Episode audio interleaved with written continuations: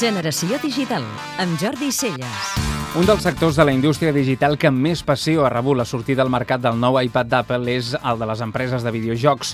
Els jugadors i les empreses de desenvolupament d'entreteniment digital són claus dels continguts dels dispositius mòbils i Apple ho ha tingut clar des de fa temps. Segurament, les desenvolupadores de videojocs han estat les més ben tractades de totes les indústries culturals per part del gegant nord-americà.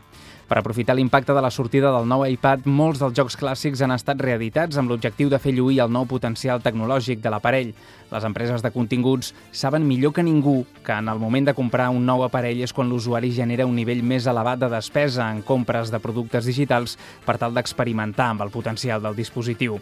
Una de les empreses líders en jocs per a dispositius mòbils, Gameloft, ha publicat reedicions d'alguns dels seus darrers jocs més venuts, com Order and Chaos Online, Modern Combat 3, Asphalt 6 o Gangsta Rio. Un altre exemple és el de l'empresa alemanya Buga, que també ha modificat el seu gran èxit Diamond Dash. A banda de les reedicions de jocs antics, el nou iPad arriba també amb llançaments importants.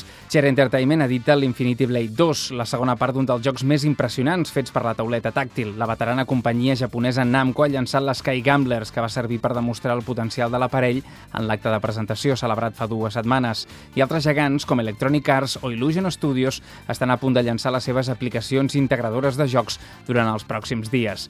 Tots els nous jocs s'aprofitaran de la modificació d'Apple que va introduir en la darrera actualització de la seva botiga virtual, passant de 20 a 50 els megas de descàrrega que l'iPad permet realitzar sense necessitat d'estar connectat.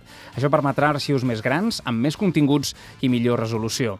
Està clar que els dispositius mòbils són la plataforma de jocs del futur i pràcticament del present, i és que Apple està venent més de 15 milions de dispositius iPad cada 3 mesos.